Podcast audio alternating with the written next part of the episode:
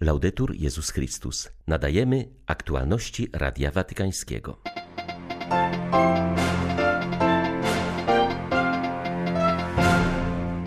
Chrześcijaństwo bez liturgii jest chrześcijaństwem bez Chrystusa, przypomniał papież podczas audiencji ogólnej.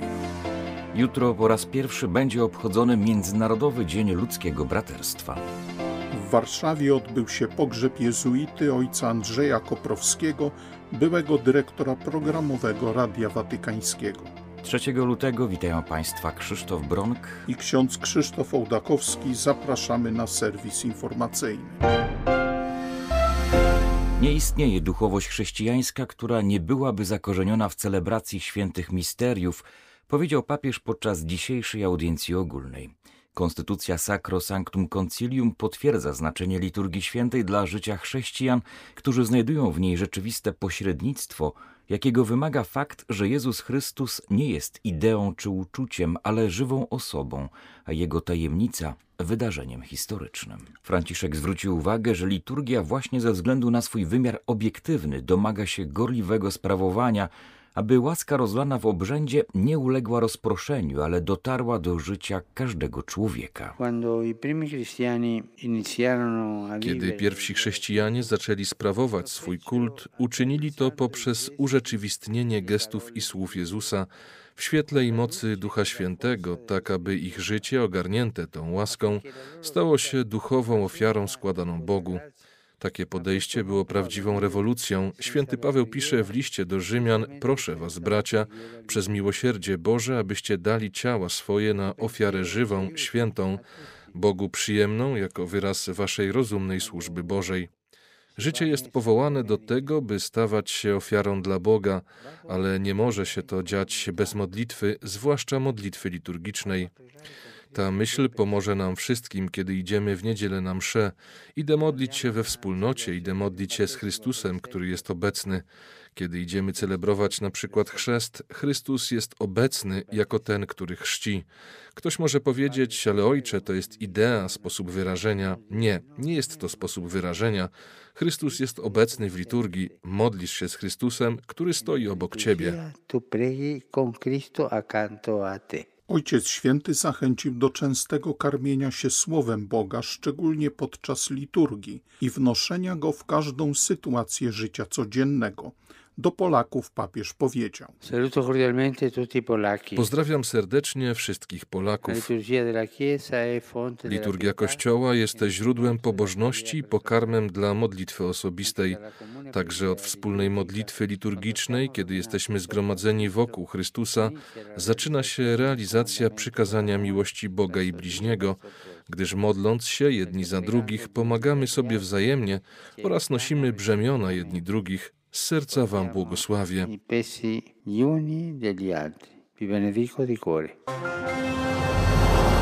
Papież przypomniał, że jutro będzie obchodzony Międzynarodowy Dzień Ludzkiego Braterstwa, ustanowiony przez niedawną rezolucję Zgromadzenia Ogólnego Narodów Zjednoczonych. Inicjatywa była również inspirowana spotkaniem z 4 lutego 2019 roku w Abu Zabi, kiedy to wraz z wielkim imamem Al-Azhar Ahmedem Al-Tayebem Ojciec Święty podpisał dokument o ludzkim braterstwie dla pokoju światowego i współistnienia. Franciszek wyraził radość, że narody całego świata włączają się w te obchody, których celem jest krzewienie dialogu międzyreligijnego i międzykulturowego. Dlatego jutro po południu wezmę udział w wirtualnym spotkaniu z wielkim imamem Al-Azhar, sekretarzem generalnym Organizacji Narodów Zjednoczonych Antonio Guterresem i innymi osobistościami. Wspomniana rezolucja ONZ uznaje wkład, jaki dialog między wszystkimi grupami religijnymi może wnieść w poprawę świadomości i zrozumienia wspólnych wartości podzielanych przez całą ludzkość. Módlmy się o to dzisiaj i niech to będzie przedmiotem naszego zaangażowania każdego dnia roku. Międzynarodowy Dzień Ludzkiego Braterstwa papież i imam Al-Azhar będą przeżywać razem dzięki wirtualnemu połączeniu. Zdaniem profesora Mokraniego wspólna deklaracja o braterstwie sprzed dwóch lat jest aktem prorockim. Są wielkie oczekiwania ze strony muzułmańskiej, a także ze strony wszystkich, którzy są zaangażowani w dialog oraz w proces humanizacji, którzy postrzegają to jako swoją misję i podzielają tę wizję. Wspólna deklaracja o ludzkim braterstwie proponuje jasną wizję, możliwą do zaakceptowania przez wszystkich, którą możemy urzeczywistniać wszyscy razem, jako misję międzyreligijną. Postrzegam to jako ważny znak prorocki. Musimy też jednak dokonać samokrytyki. Nie dorośliśmy jeszcze do tych słów. Musimy wstać z miejsca i zobaczyć, co konkretnie możemy zrobić. Jest to bowiem wielkie zobowiązanie i nie jest to łatwe. Franciszek skierował swoje przemówienie do uczestników Piątego Forum Ludów Tubylczych. Podkreślił w nim szczególnie rozumienie globalizacji, która nie może być uniformizmem, ponieważ ignorowanie różnorodności stanowi nowy typ kolonializmu. Aby zachować różnorodność w rosnącym tempie globalizacji, aby to, co inne i nie nasze, nie zostało wchłonięte przez wszechobecną i promowaną przez media popkulturę, Trzeba przede wszystkim zmysłu solidarności. Nikt nie może narzucać nam jednej drogi uważanej za jedyną właściwą, podkreślił papież.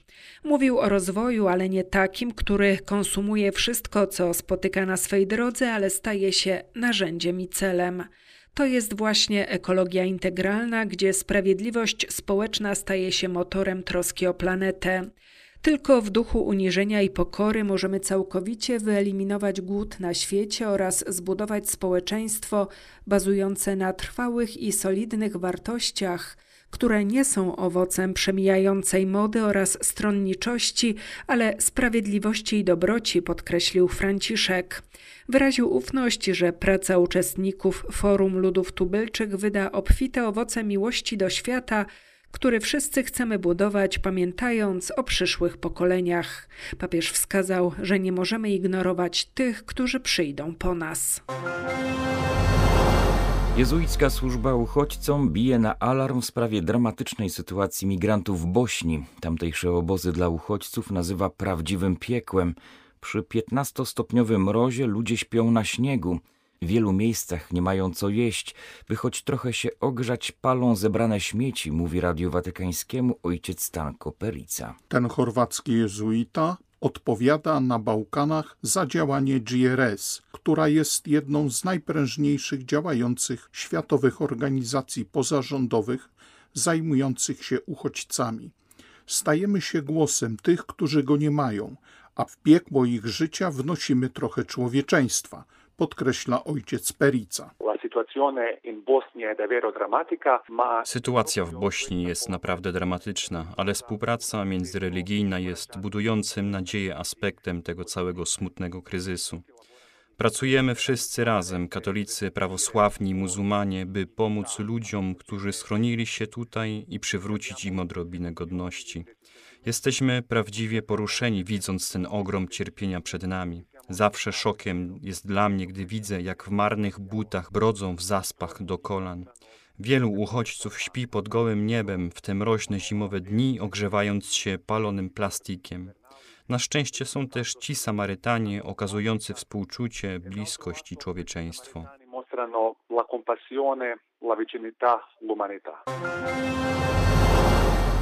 W Anglii i Walii trwają konsultacje społeczne w sprawie rządowej propozycji trwałej legalizacji tzw. Tak aborcji do it yourself, którą można przeprowadzić w domu do dziesiątego tygodnia życia dziecka.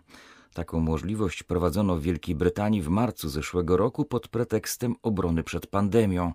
Obecnie kobiety i nastolatki wyłącznie na podstawie wideokonsultacji z lekarzem otrzymują pocztą tabletki, które mogą zabić poczęte dziecko w każdej fazie życia płodowego. W publicznej debacie podnoszone są przede wszystkim dwie kwestie: braku osobistego spotkania kobiety z lekarzem i negatywny wpływ na poziom przemocy domowej, w tym na tle seksualnym, która i tak wzrosła w Wielkiej Brytanii na przestrzeni ostatniego roku.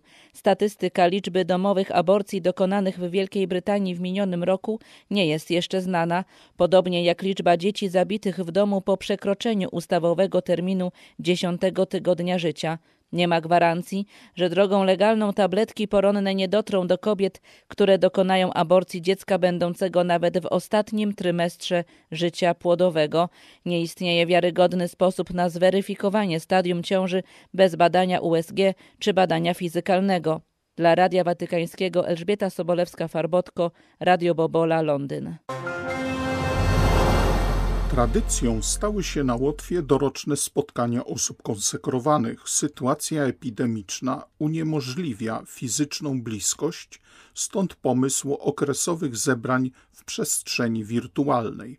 Okazją ostatniego takiego spotkania był wczorajszy Światowy Dzień Życia Konsekrowanego. Gościem specjalnym spotkania zorganizowanego przez Łotewską Konferencję Przełożonych Instytutów Życia Konsekrowanego był nuncjusz apostolski w krajach bałtyckich arcybiskup Petar Raić. Papieski dyplomata wygłosił konferencję poświęconą powołaniu zakonnemu i jego kryzysowi we współczesnym świecie. Wskazał na negatywny wpływ braku modlitwy współczesnych ludzi, także osób konsekrowanych, ale także na kryzys rodziny, gdzie w sposób naturalny rodzą się powołania. Swoją negatywną rolę odgrywa tu także obojętność na rzeczywistość grzechu, bunt wobec autorytetów, także religijnych, oraz praktyczny materializm, hedonizm czy zgorszenie niesione przez niektórych ludzi Kościoła. Stąd potrzeba uporządkowanego życia wewnętrznego i zewnętrznego, które może przyciągnąć nowych robotników na żniwo Pana. Po konferencji była możliwość dyskusji oraz refleksji w małych grupach. Na Łotwie działa 12 żeńskich i 7 męskich zakonów, zgromadzeń i instytutów świeckich, do których należy 59 kobiet i 33 mężczyzn konsekrowanych. Z Rygi dla Radia Watykańskiego ksiądz Tadeusz Cieślak, jezuita. W Warszawie odbyły się dziś uroczystości pogrzebowe ojca Andrzeja Koprowskiego, zasłużonego jezuity, byłego dyrektora programowego Radia Watykańskiego, twórcy redakcji programów katolickich w Polskim Radiu i Telewizji oraz współtwórcy Katolickiej Agencji Informacyjnej. Liturgii w stołecznym sanktuarium świętego Andrzeja Boboli przewodniczył kardynał Kazimierz Nycz, metropolita warszawski. Homilię w czasie uroczystości pogrzebowych wygłosił ojciec Andrzej Majewski, dyrektor redakcji programów katolickich Polskiego Radia.